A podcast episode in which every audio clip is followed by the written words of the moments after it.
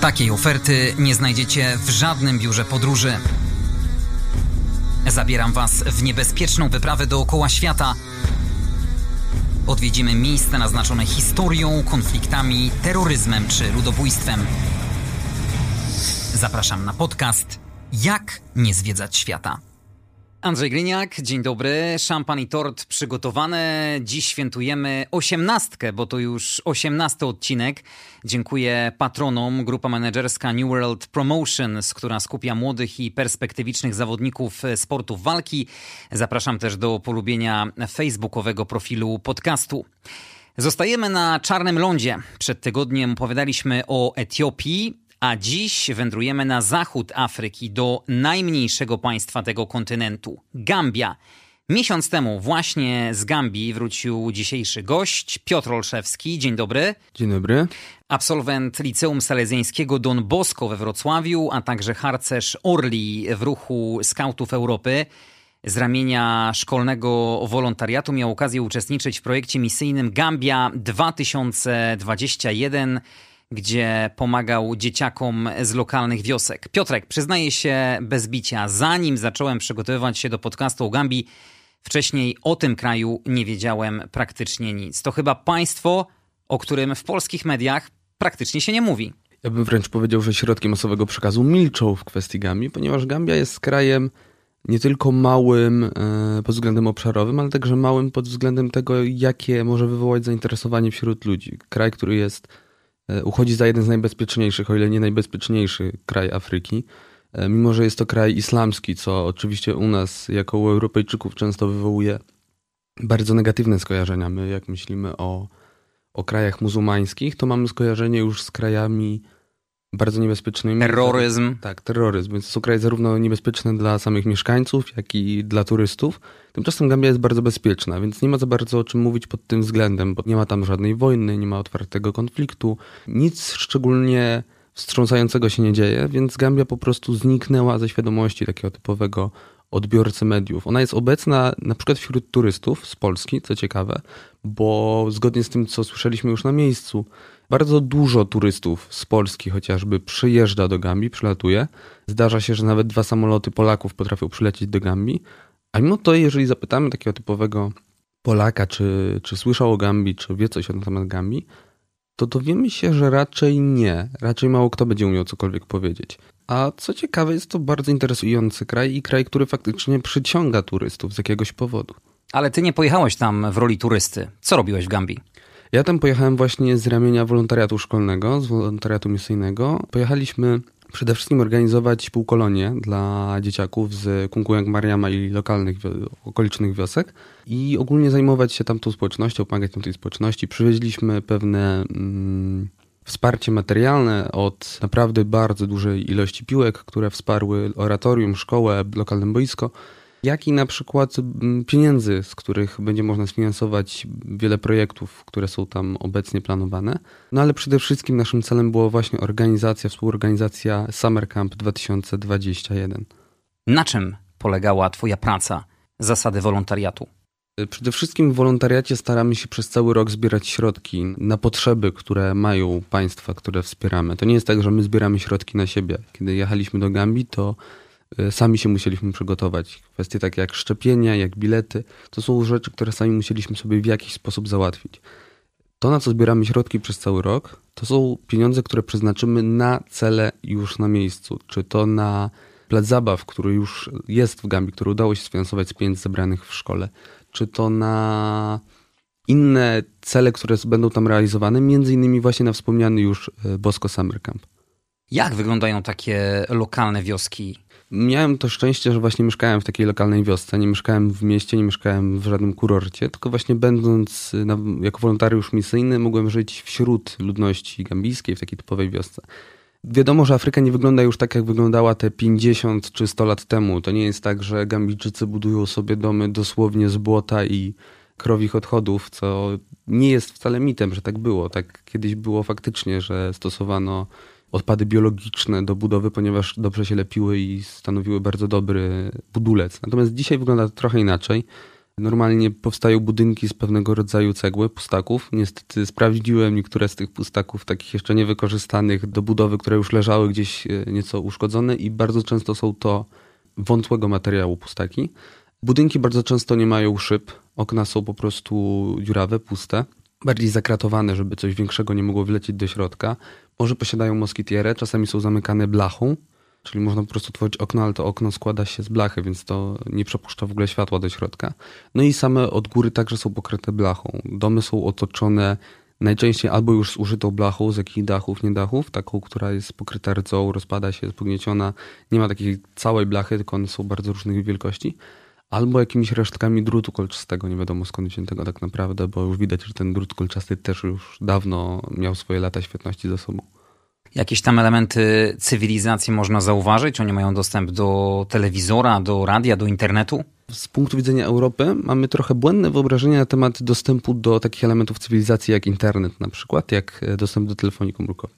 Oczywiście to nie jest tak, że każdy gambijczyk ma u siebie w domu Wi-Fi, Natomiast właśnie to jest taka mm, ciekawa mieszanka, że z jednej strony mamy domy właśnie z dachem krytym blachą, a z drugiej strony na tych dachach widzimy mm, panele fotowoltaiczne, które poprzez światło słoneczne zdobywają prąd dla mieszkańców tych domów.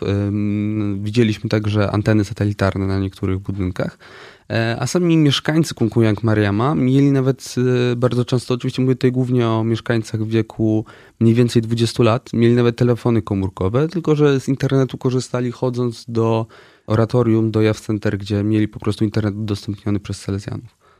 Jak oni was przyjęli? Oni nas przyjęli bardzo ciepło, bardzo życzliwie.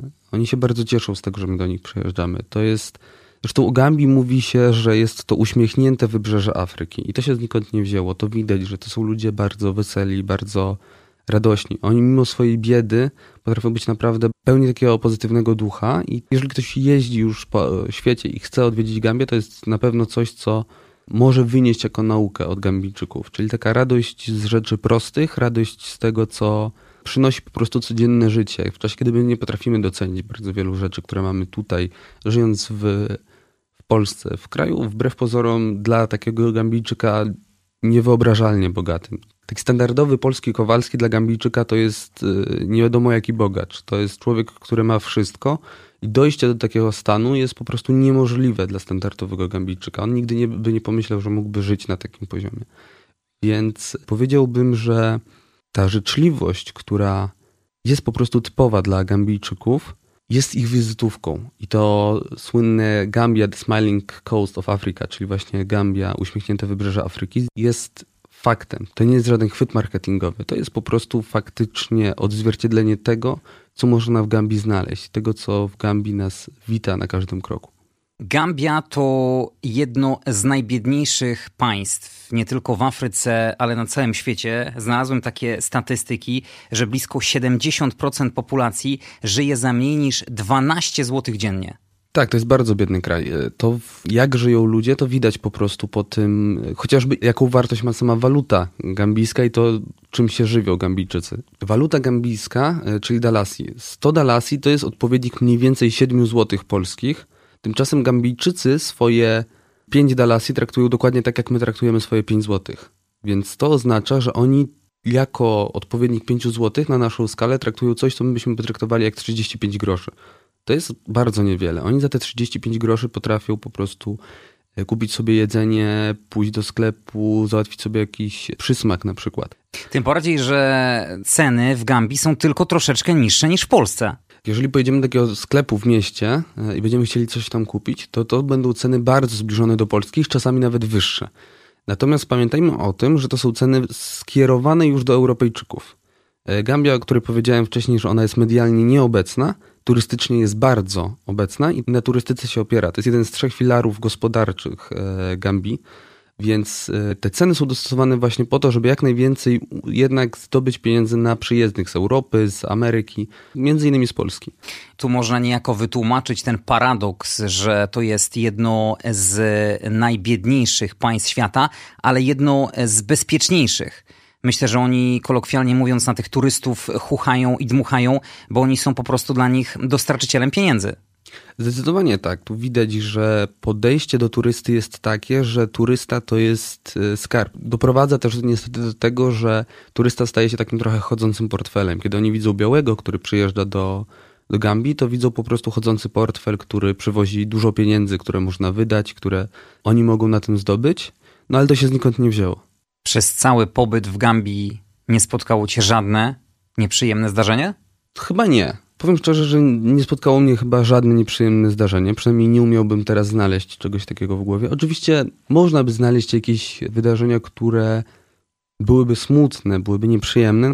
Nieprzyjemnym doświadczeniem może być na przykład to, że widzimy dzieci, które za nami idą w jakimś miejscu poza akurat naszą wioską, które chcą od nas wyciągnąć pieniądze. To jest doświadczenie, które może być nieprzyjemne, szczególnie z perspektywy naszej psychiki, bo nam się od razu odpala myśl, a może powinienem pomóc, a może powinienem dać te pieniądze.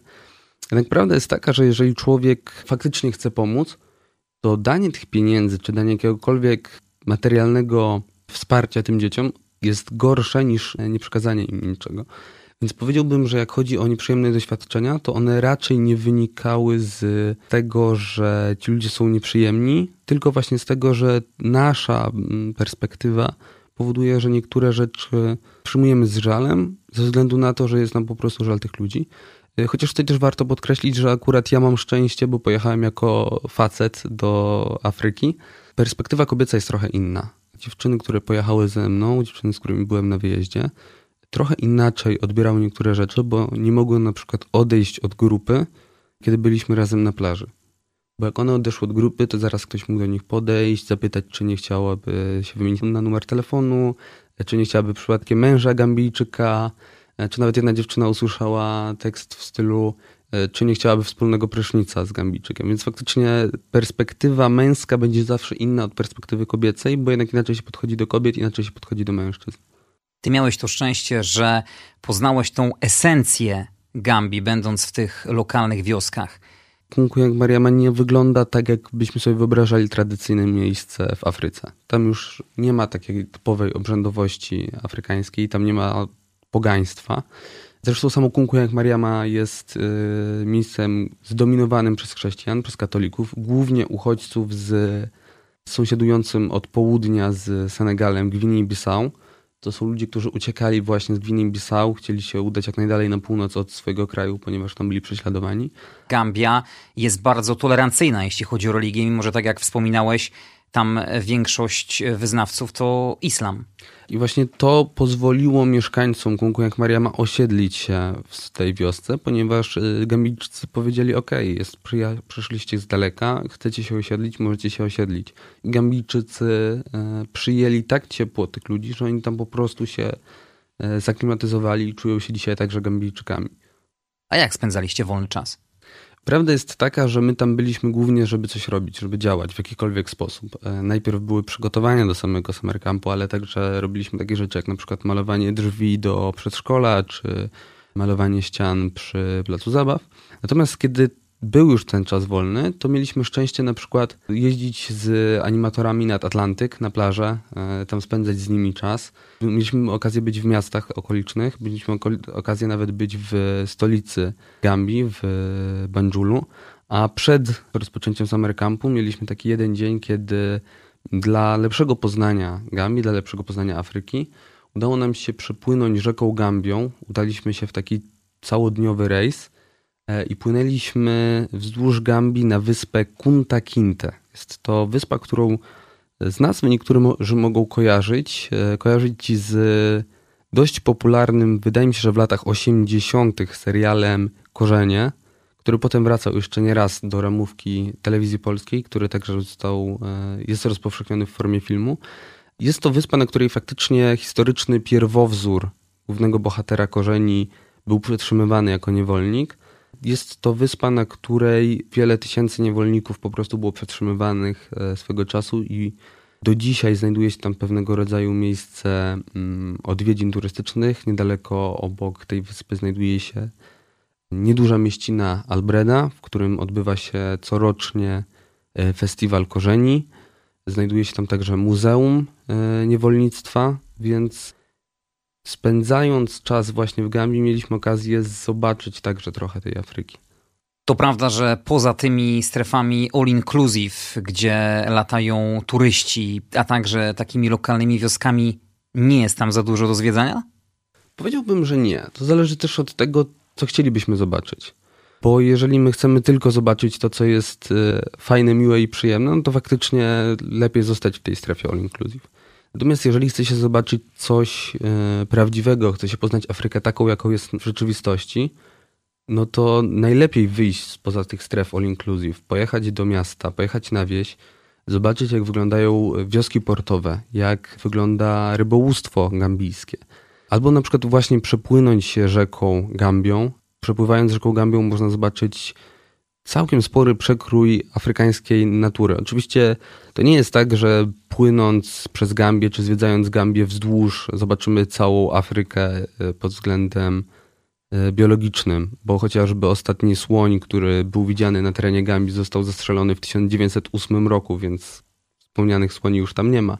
Ale można zobaczyć od orangutanów, przez szympansy, po hieny nawet, tylko oczywiście nie zobaczymy ich wszędzie. Tam, gdzie my byliśmy, czyli właśnie na zachodnim wybrzeżu, E, tam gdzie e, bardzo niedaleko Banjulu, e, w Kunkuyang, nie ma niektórych gatunków, które można zobaczyć w głębi Gambii, więc trzeba właśnie wyjechać z tego terenu all inclusive, żeby zobaczyć to, co jest dostępne w głębi kraju. W rzece Gambii żyje mnóstwo krokodyli, które są dla Gambijczyków świętymi istotami, ponieważ symbolizują płodność. Bardzo często jest też tak, że można je wprost nawet dotknąć i się do nich zbliżyć, bo podobno są tak ociężałe i tak najedzone, że nie atakują ludzi.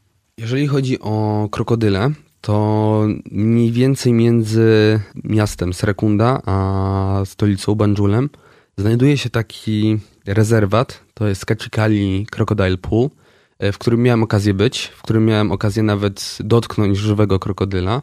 Kiedy przechodzi się właśnie przez Kachikali Crocodile Pool, to jest, są takie informacje wymalowane na ścianie właśnie, żeby nie dotykać krokodyli bez zgody przewodnika. Mieliśmy to szczęście w nieszczęściu, że niestety byliśmy tam po dość deszczowej nocy i tych krokodyli nie było zbyt wiele. Normalnie w samym tym, nazwałbym to bardziej bajorkiem, bo oni nam to przedstawiali trochę jako jezioro, ale to było bardzo niewielkie. Żyje ponoć 100 krokodyli. My mieliśmy okazję zobaczyć niestety tylko jednego, ale no, jest to doświadczenie, które na pewno może przyciągnąć turystów. Tam faktycznie można się spotkać z krokodylem i wraz z takim posłuszeństwem właśnie wobec przewodników i współpracując z nimi, można nawet dotknąć tego krokodyla, spotkać się z nim twarzą w twarz, tylko tak jak mówię, Odważyłeś ostrożność się? jest... E, miałem to szczęście, że tak, że, że każdy z nas e, ma nawet zdjęcie z krokodylem. Niestety muszę powiedzieć, że nie są one najlepszej jakości, ponieważ zdjęcia robili sami przewodnicy, a nie my. E, natomiast tak, miałem tę okazję, że dotknąłem krokodyla za ogon. Człowiek, który po raz pierwszy spotyka się z naturą Afryki, tak jak ja miałem takie szczęście w tym roku, spotyka się z rzeczywistością zupełnie obcą do tej w Polsce. To jest mnóstwo palm, mnóstwo baobabów, e, rzeczywistość zupełnie obca, ale też mnóstwo, po prostu całe mnóstwo ptaków, które w dzień można zobaczyć, jak gdzieś przelatują, w nocy można usłyszeć. E, według informacji, które mogliśmy znaleźć m.in. w Muzeum Narodowym Gambii w Banjulu, w samej Gambii żyje 559 gatunków różnych ptaków. Prawdziwy raj dla ornitologów.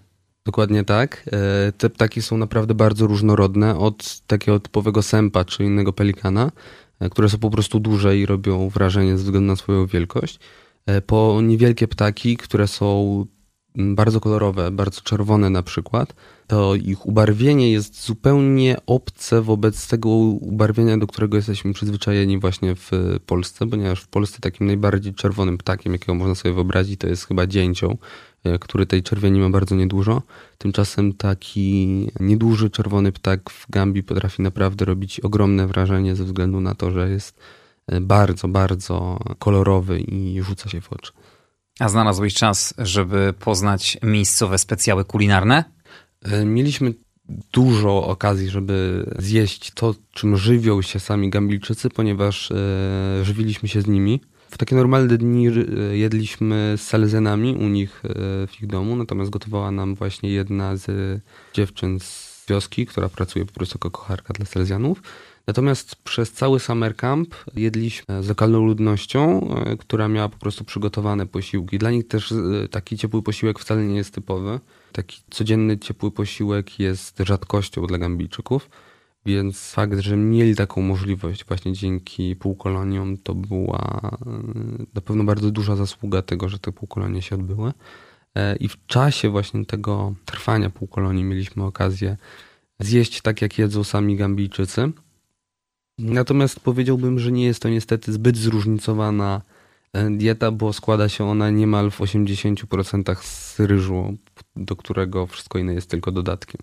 Wspominałeś, e, że oni z reguły nie jedzą ciepłego posiłku. Wynika to z tego problemu niedożywienia, bo tam blisko 30% e, ludzi cierpi głód. Wynika to po prostu z biedy. Wynika to z tego, że nie mają co jeść za bardzo. E, oczywiście możemy się zachwycać tym, że przechodzimy przez wioskę i wszędzie rośnie mnóstwo mango, e, rosną banany, rosną cytryny i dla nas to jest rarytas, e, że możemy zjeść prawdziwe mango, zjeść prawdziwego banana, prawdziwe cytryny.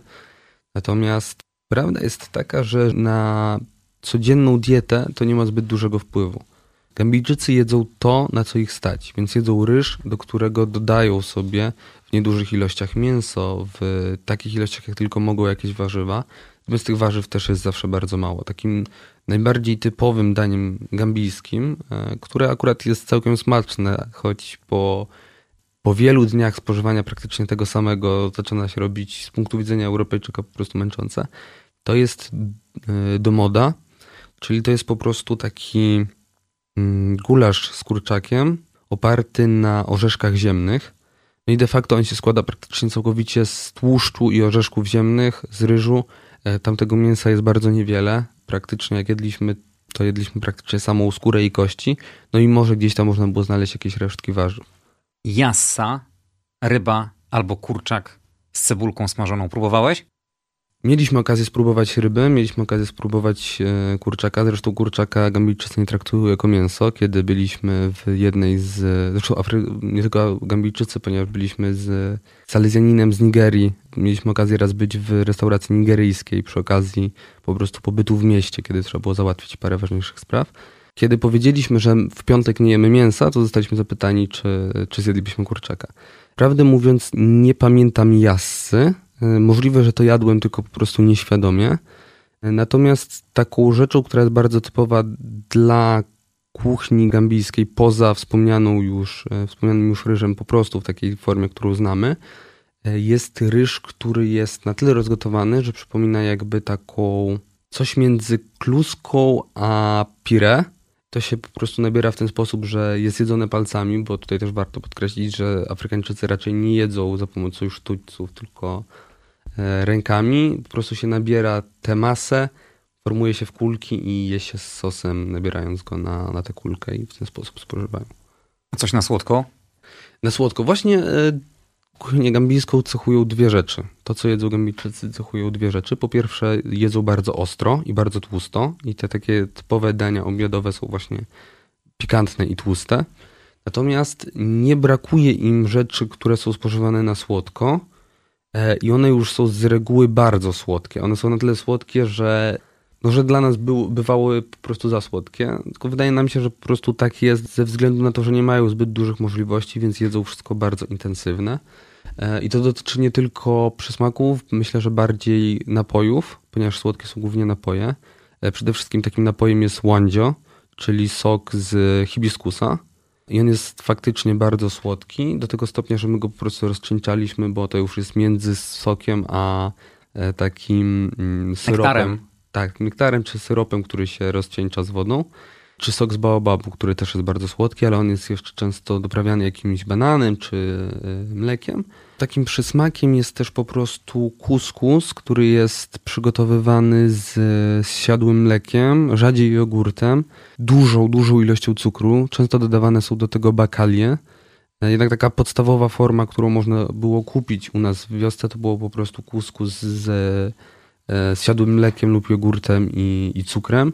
To jest sprzedawane często w takich po prostu woreczkach foliowych. Zresztą dzieci kupują, e, potrafią sobie właśnie kupować takie przysmaki sprzedawane w takich foliowych woreczkach. Czy to są e, wspomniane już łądzio, czy baobab, czy właśnie wspomniany ten przysmak z kuskusem. To jest czasami mrożone, co ciekawe. Właśnie to jest taka forma lodów, którą potrafią sobie dzieci kupić w czasie y, lekcji, czy właśnie w naszym przypadku w czasie tego summer campu zdarzyło im się wyjść na chwilę przez, przez bramę i podejść i z takiej taczki y, miały możliwość kupić taki mm, rodzaj loda. To było właśnie zawinięte w woreczek, w środku znajdowała, znajdował się ten mrożony sok. E, I to jest właśnie taki rodzaj loda, który oni tam mają jako swój przysmak. Także mieliśmy okazję tego spróbować, bo chcieliśmy mniej więcej wiedzieć, jak wygląda taki przysmak e, według e, typowych gambijczyków. Ale co ciekawe, w tych woreczkach często e, podawane są nie tylko właśnie rzeczy na słodko, bo pamiętam, że jak pojechaliśmy raz zobaczyć po prostu okolice, zobaczyć szkołę, ponieważ kiedy przyjechaliśmy, to tam jeszcze się kończył rok szkolny, a warto przypomnieć, że przyjechaliśmy w sierpniu w takim właśnie woreczkach podawany był także sos po prostu na słono. E, to był sos, którym byśmy dodali pewnie do jakiejś kaszy albo ryżu. Oni po prostu wlewali ten sos do, do tych woreczków i wypijali go przez ten woreczek, po prostu rozgryzając końcówkę woreczka. I e, to jest też taki przysmak, którym się raczą. Czym oni się na co dzień zajmują w tych lokalnych wioskach? No na pewno dla, szczególnie dla najmłodszych, takim typowym zajęciem, którego mogą się podejmować, to jest po prostu chodzenie na boisko i granie w piłkę nożną. Więc e, co jakiś czas po prostu przychodziliśmy widzieliśmy, że grają w piłkę nożną i to jest typowe.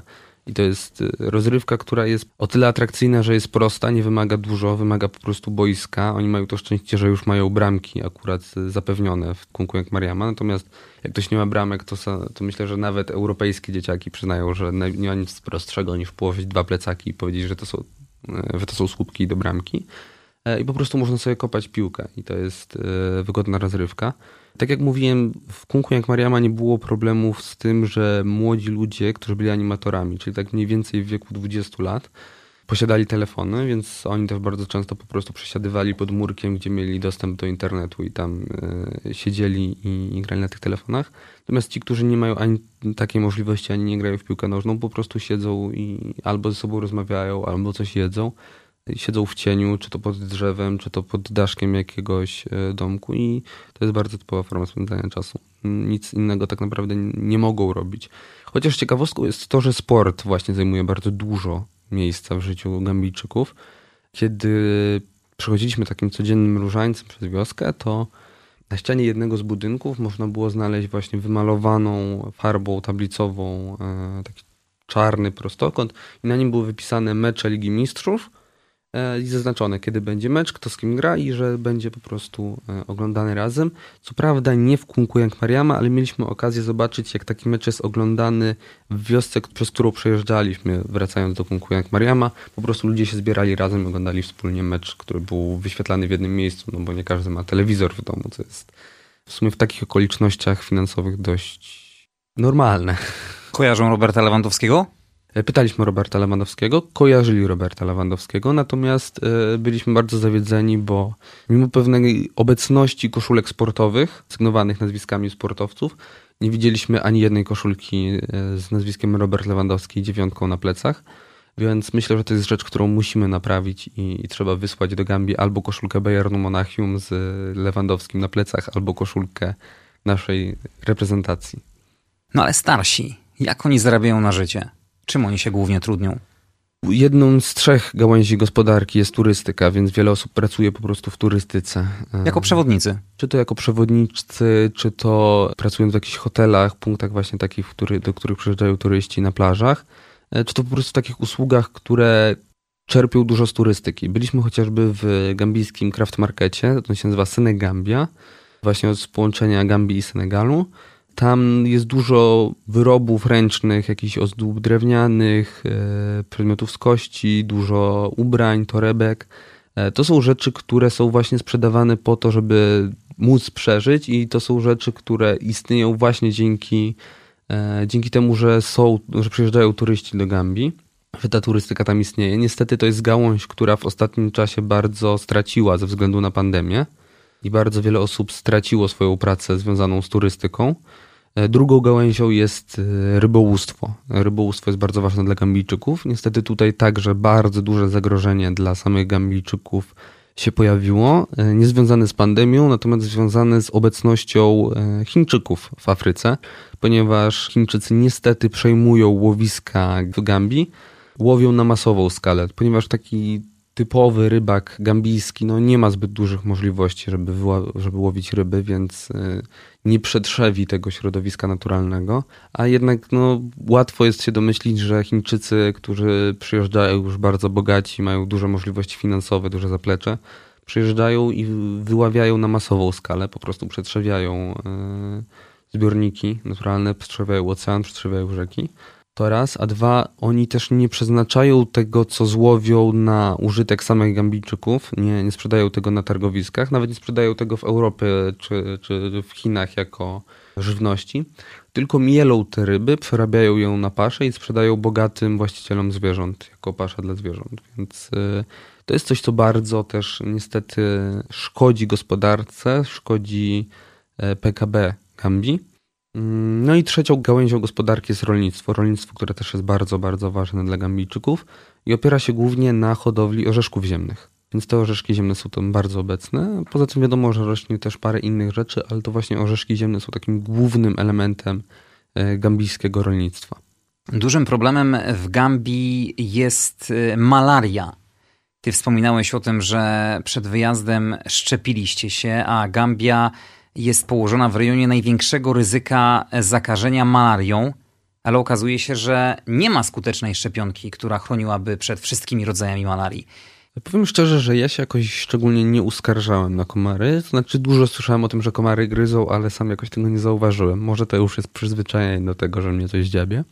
E, natomiast jak chodzi o samo zabezpieczenie się przed malarią, ze względu na to, że byliśmy tam miesiąc, to mogliśmy sobie pozwolić na coś takiego, jak zakup leku, który po prostu braliśmy codziennie. To jest niestety bardzo drogi lek, który przeciwdziała malarii. E, tabletki bierze się 3 dni przed wyjazdem, potem przez cały wyjazd codziennie i 7 dni po wyjeździe.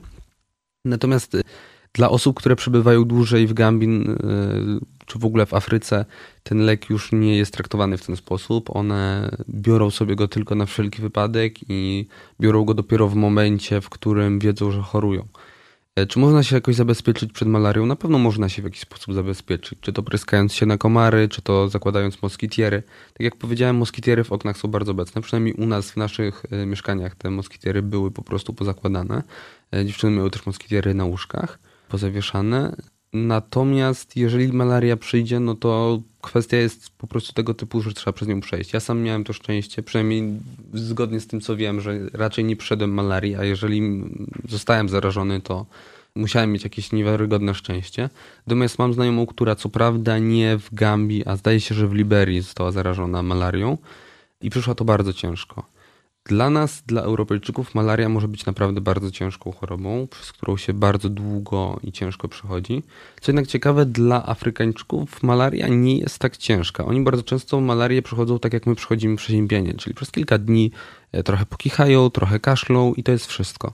Jeden z naszych znajomych właśnie e, Gambijczyków, seminarzystów, e, miał taką sytuację, że czuł się gorzej i mówił, że a, może to jest malaria.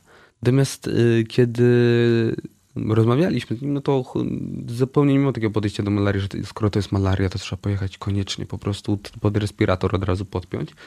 Tylko to jest malaria, czyli prawdopodobnie muszę przeleżeć i przeżyję i tyle. Ale okazuje się, że przeciwko malarii szczepionka nie jest obowiązkowa. Wymagana natomiast przy wjeździe do Gambii jest szczepionka przeciwko żółtej febrze.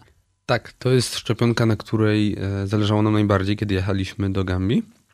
Musieliśmy mieć w ogóle żółtą książeczkę, w której mamy wpisanych ileś tam tych szczepień od yy, właśnie żółtej febry, która była obowiązkowa. I to wiedzieliśmy, że to jest obowiązkowa szczepionka, bez której nie zostaniemy w ogóle wpuszczeni, nie dostaniemy wizy. Jaki jest koszt takiej szczepionki? W tym momencie nie pamiętam, prawdę mówiąc. Natomiast szczepionki tropikalne są niestety bardzo drogie, e, a my też nie, nie mieliśmy tych szczepionek sfinansowanych odgórnie. Sami musieliśmy sobie uzbierać pieniądze, zaoszczędzić, żeby móc pozwolić sobie na szczepienie.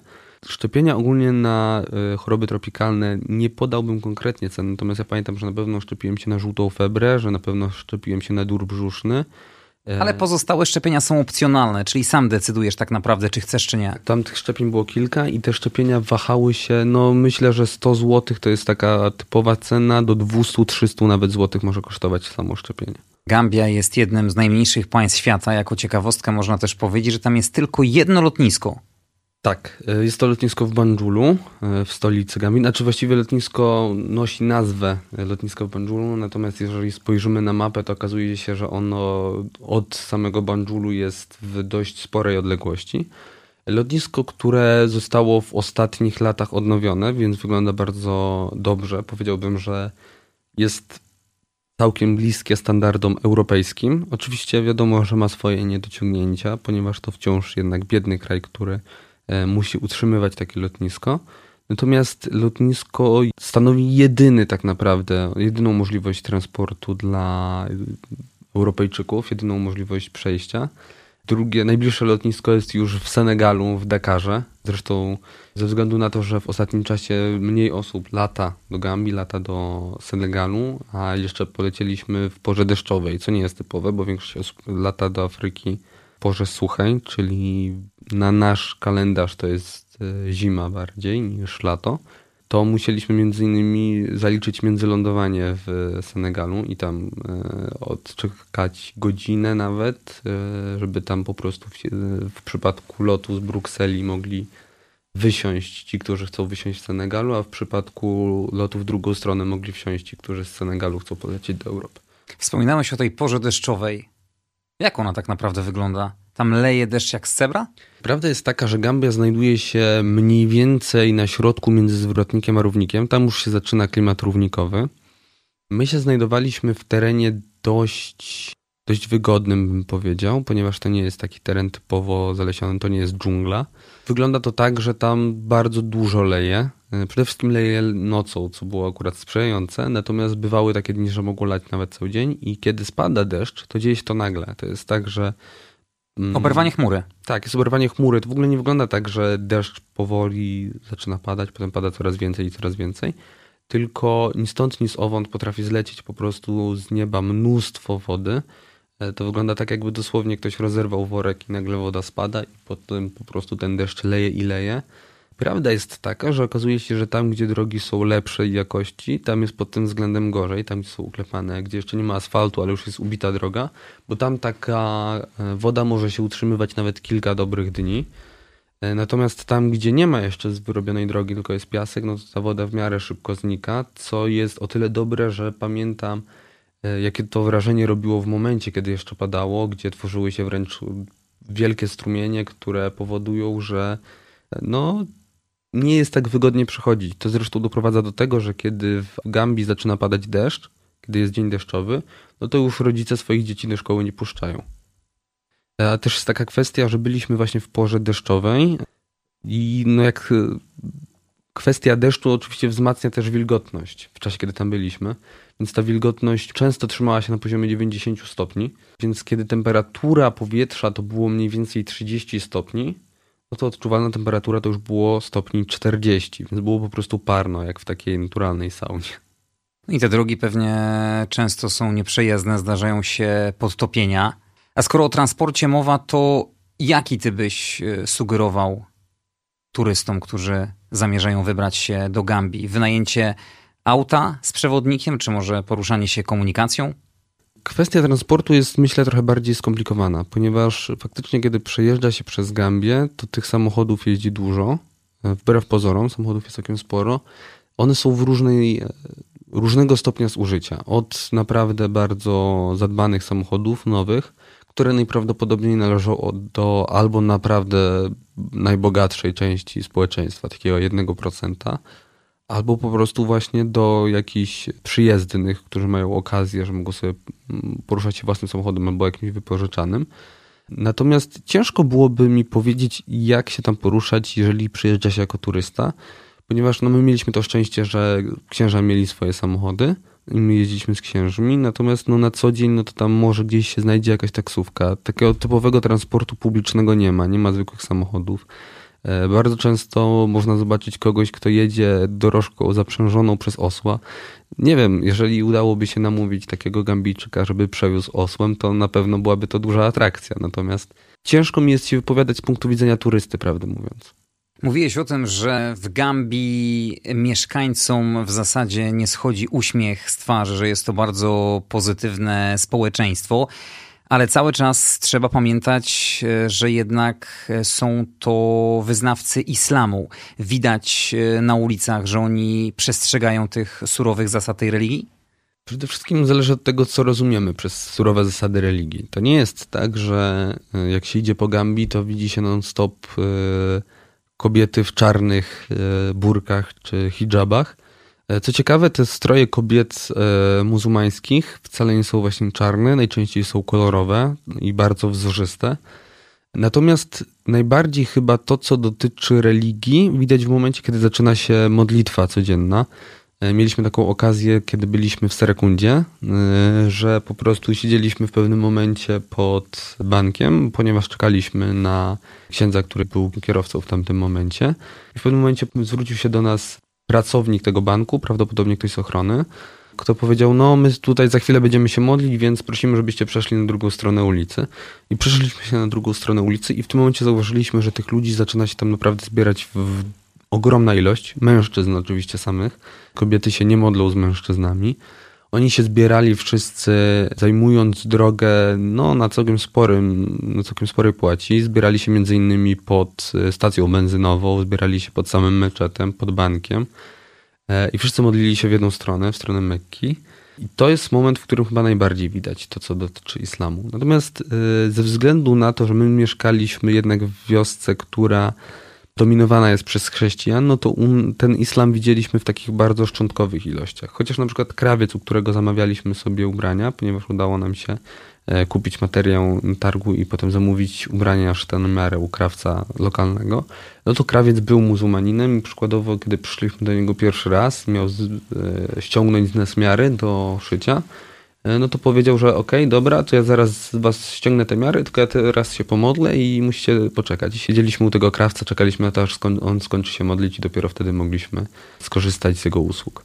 A jak wyglądają kwestie związane z płatnościami? Tam rzeczywiście niewiele jest automatów, które obsługują karty kredytowe? Ja bym powiedział, że ja bym tam w ogóle nie widział nigdzie możliwości skorzystania z, z karty kredytowej, ponieważ pamiętajmy o tym, że tam ludzie płacą głównie gotówką. Oni w ogóle nie wyobrażają sobie pewnie możliwości płacenia w inny sposób. Mało kto tam prawdopodobnie w ogóle myśli o tym, żeby zakładać sobie miejsce, konto w banku. Chyba tylko najbogatsi mogą sobie na to pozwolić. E, Gambijczycy nawet portfeli de facto nie noszą. E, kiedy wymienialiśmy pieniądze w kantorze, to dostaliśmy bardzo dużo banknotów naprawdę mocno zużytych, już takich bardzo ciemniałych, od zużycia, wilgotnych, ponieważ taki gambijczyk jak ma banknot, to on go zwija w pulkę i wkłada go sobie do kieszeni i po prostu nosi go w kieszeni. Więc podejście do płatności jest zupełnie inne. Oni w ogóle by nie myśleli o terminalach. Oczywiście gdzieś tam na pewno te terminale są. Byliśmy w hipermarkecie, byliśmy w, mieliśmy okazję w jeden z naszych ostatnich dni pobytu pójść do takiego kurortu, gdzie mogliśmy sobie, e, gdzie zjedliśmy obiad, gdzie e, poleżeliśmy nad plażą. Natomiast e, w takich typowych miejscach, z których korzystają sami Gambijczycy, myślę, że karta bankowa, terminal jest w ogóle nie do pomyślenia. Oni w ogóle by się nawet nad tym nie zastanawiali. Czyli gotówka, głównie dolary? Nie, oni mają swoją własną walutę. Tam się posługujemy Delasi, 100 dalasi to jest odpowiednik około y, 2 dolarów, czyli na nasze, no my wtedy przeliczaliśmy jako 7 zł, teraz jak patrzyłem to już byłoby bliżej 8. Tak wygląda ta waluta. Y, Można ją w Polsce dostać? Nie. Kiedy my kupowaliśmy walutę, to najpierw wymienialiśmy ją na euro albo na dolary i dopiero na miejscu pojechaliśmy do kantoru i tam wymieniliśmy na dalasi, ponieważ tam też nam nie wymienią na złotówki. A te sklepy poza kurortami są bogato wyposażone w różnego rodzaju produkty? Prawdę mówiąc, to zależy tak naprawdę o co chodzi. Są głównie stragany. My byliśmy na przykład na, takim, na takiej części, gdzie na straganach sprzedawano materiały do szycia. Te materiały do szycia są z punktu widzenia Gambijczyków na pewno bardzo drogie. Tak jak powiedziałem, tam człowiek dużo nie zarabia. Człowiek traktuje jedno dalasi jako, tak jak my traktujemy jedyną złotówkę więc de facto traktuje 7 groszy, tak jak my traktujemy złotówkę, a za jeden taki materiał płaci się no 100 dalasi za metr mniej więcej, więc żeby sobie kupić taki materiał, to jednak trzeba trochę wydać. Tak naprawdę gdzie niegdzie znajdują się stragany, gdzie na tych straganach sprzedaje się owoce, ale to też jest bardziej dostosowane pod e, turystów, żeby turyści chcieli podjechać i kupić sobie e, owoc od lokalnego sprzedawcy. A w takich sklepach, które zaopatrzają ludność, no to myślę, że głównie można kupić ryż i mięso. I to jest wszystko. Może w jakichś niedużych ilościach warzywa. Odwiedziłeś e, największy bazar w stolicy, Albert Market? Nie, akurat niestety nie miałem okazji odwiedzić bazaru w stolicy. My kupowaliśmy głównie w Serekundzie, która była nieco bliżej dla nas. I tam byliśmy albo na właśnie takim bazarze, gdzie sprzedawano materiały do szycia, albo w craft markecie Senegambia, gdzie sprzedaje się głównie pamiątki właśnie robione ręcznie. Zresztą mogliśmy zobaczyć, jak tam te pamiątki drewniane na przykład są wyrabiane przez rzemieślników, jak są szyte niektóre materiały, jak są malowane ręcznie, więc e, to są takie miejsca głównie. W samym Banjulu zobaczyliśmy tak naprawdę tylko katedrę i Muzeum Narodowe. Na co najbardziej powinni zwrócić uwagę turyści wybierający się do Gambii? Przede wszystkim warto zwrócić uwagę na to, że nie warto nic dawać ludności z dobroci serca. Ja wiem, że to brzmi teraz strasznie kontrowersyjnie, co mówię, i dla kogoś, kto nie ma doświadczenia z Afryką, to jest w ogóle przerażające, jak to nie warto nic dawać. Nie warto brać ze sobą długopisów, zaszytów, książek, zabawek, słodyczy. Nie warto. To jest rzecz, która bardziej szkodzi niż pomaga. Przede wszystkim z tego powodu, że wcale nie pomaga się tym najsłabszym. Chce się na przykład dać cukierki najmniejszym dzieciom, bo, chce się je ucieszyć, a tymczasem dostaną je te najsilniejsze. Nawet jeśli nie dostaną ich bezpośrednio od nas, to dostaną je potem od tych e, słabszych dzieci. Jak damy pieniądze takiemu dziecku, to nie wiadomo, kto nie stoi za tym dzieckiem. Możliwe, że w tym momencie to dziecko dostanie te pieniądze, ono je schowa w kieszeń, a chwilę później jest dorosłego, któremu daje te pieniądze, a może nawet grupy dorosłych. Prawda jest taka, że dawanie pieniędzy, dawanie jakiejkolwiek majątności napędza niestety przestępczość w krajach biednych. W Gambii, tak jak mówiłem, nie ma jakiegoś, jakichś dużych problemów z bezpieczeństwem, natomiast to wciąż jest kraj biedny, który bardzo niestety opiera się na tym, że no, że właśnie przyjeżdżają turyści. To jest takie właśnie przyzwyczajenie. Jak, jak byliśmy właśnie na tym naszym rejsie po rzece, to byliśmy między innymi na Albredzie i na Albredzie były właśnie dzieci, które chciały od nas jakieś pieniądze, jakieś słodycze, coś tam takiego. I to jest niestety bardzo niebezpieczne zjawisko, bo nigdy nie wiadomo, co się za tym kryje. Za tym może się kryć nawet mafia, która wykorzystuje te dzieci. Nie widzieliśmy tam takich obrazów jak dzieci okaleczone, ale warto o tym pamiętać, kiedy jeździ się do krajów biednych. E, chociażby jeśli ktoś na przykład oglądał Slumdog e, o Indiach, to się obraz e, mafii, która okalecza dzieci, nie wziął się w Slumdogu znikąd. To jest prawdziwy obraz. Takie rzeczy się niestety dzieją. To też niestety odciąga dzieci na przykład od nauki. Dzieci mają nie tylko prawo, ale wręcz powinny się uczyć, ponieważ to im daje możliwości na to, żeby godnie żyć w przyszłości jeżeli one będą miały poczucie, że im się bardziej opłaca pójść na ulicę i poprosić o pieniądze, poprosić o jakieś przedmioty codziennego użytku, e, czy słodycze, czy jedzenie, to one będą nauczone, że im się to opłaca. To jest bardzo złe. Zdecydowanie rzecz, której nie polecam. I to nie, ja mam bardzo słabe doświadczenia, jak chodzi o Afrykę i właśnie kraje biedne. Natomiast to są rzeczy, o których mówią głośno osoby związane już dłużej z Afryką ksiądz, który z nami był, ksiądz Piotr Wojnarowski, który był e, tak naprawdę szefem tej placówki, na której byliśmy przez ostatnie 3 lata, wcześniej przez 15 lat pracował w Ganie, więc łącznie 18 lat przepracował w Afryce ciągiem. To jest całe moje życie. Opublikował na swoim profilu na Facebooku film, w którym przestrzega się właśnie przed dawaniem różnych przedmiotów. I tam eksperci się bardzo głośno wypowiadają. Mówią, że mamy bardzo złe wyobrażenie na temat biednych krajów pod względem tego, jak możemy im pomagać. Zresztą zauważmy, że nawet w Polsce bardzo popularna była kampania społeczna, żeby nie dawać osobom żebrzącym pieniędzy. To się znikąd nie bierze. To wszystko wynika z jakichś powodów. Warto czasami posłuchać jednak głosu rozsądku, warto posłuchać kogoś, kto ma większe doświadczenie, niż próbować jakoś swoje własne odczucia podkolorować właśnie dając komuś ten przedmiot, żeby teraz poczuć się lepiej. To są rzeczy bardzo ważne. E, my mamy też takie właśnie wyobrażenie na temat e, Afryki, że Afryka jest po prostu biedna. Nie wiemy dlaczego. Nie potrafimy sobie wyobrazić dlaczego, skąd się ta bieda bierze. Nie, nie mamy podłoża historycznego, że tam były kolonie, że, że teraz chociażby Chińczycy właśnie, tak jak powiedziałem, wykorzystują niestety i wyniszczają środowisko naturalne, wyniszczają gospodarkę. My mamy po prostu skojarzenie, że jest biedna Afryka i trzeba ją jakoś wesprzeć. To jest rzecz, która wynika z wyobrażeń, chociażby z kampanii społecznej, którą rozkręcił teledysk We Are the World, o którym chyba każdy już słyszał. E, no i tam jest powiedziane, że no to zacznijmy dawać i że pomóżmy Afryce. Ale nie jest powiedziane, z jakim problemem konkretnie będziemy walczyć. Nie mówimy o jakim kraju, nie mówimy o jakim rejonie, tylko mówimy, że będziemy pomagać. I to niestety doprowadza do tego, że taki typowy Europejczyk dobroci serca, jadąc do Afryki, zaopatrza się w nie wiadomo jakie rzeczy. Kupuje mnóstwo ołówków, długopisów, słodyczy, żeby pomóc dzieciom. Nie pomagamy tym dzieciom w ten sposób, my im szkodzimy. Somalia czy inne tego typu kraje są przykładem niestety sytuacji, w której też e, bardzo źle działa ONZ, bardzo źle działają organizacje międzynarodowe, ponieważ one przekazują mnóstwo, mnóstwo pieniędzy na to, żeby tam e, wszystko mogło dobrze działać i uspokajają sobie sumienie urzędnicy. To jest najgorsze, bo my często myślimy, że a dobra, gdzieś tam działa ten UNICEF, a on tymczasem przekazuje pieniądze.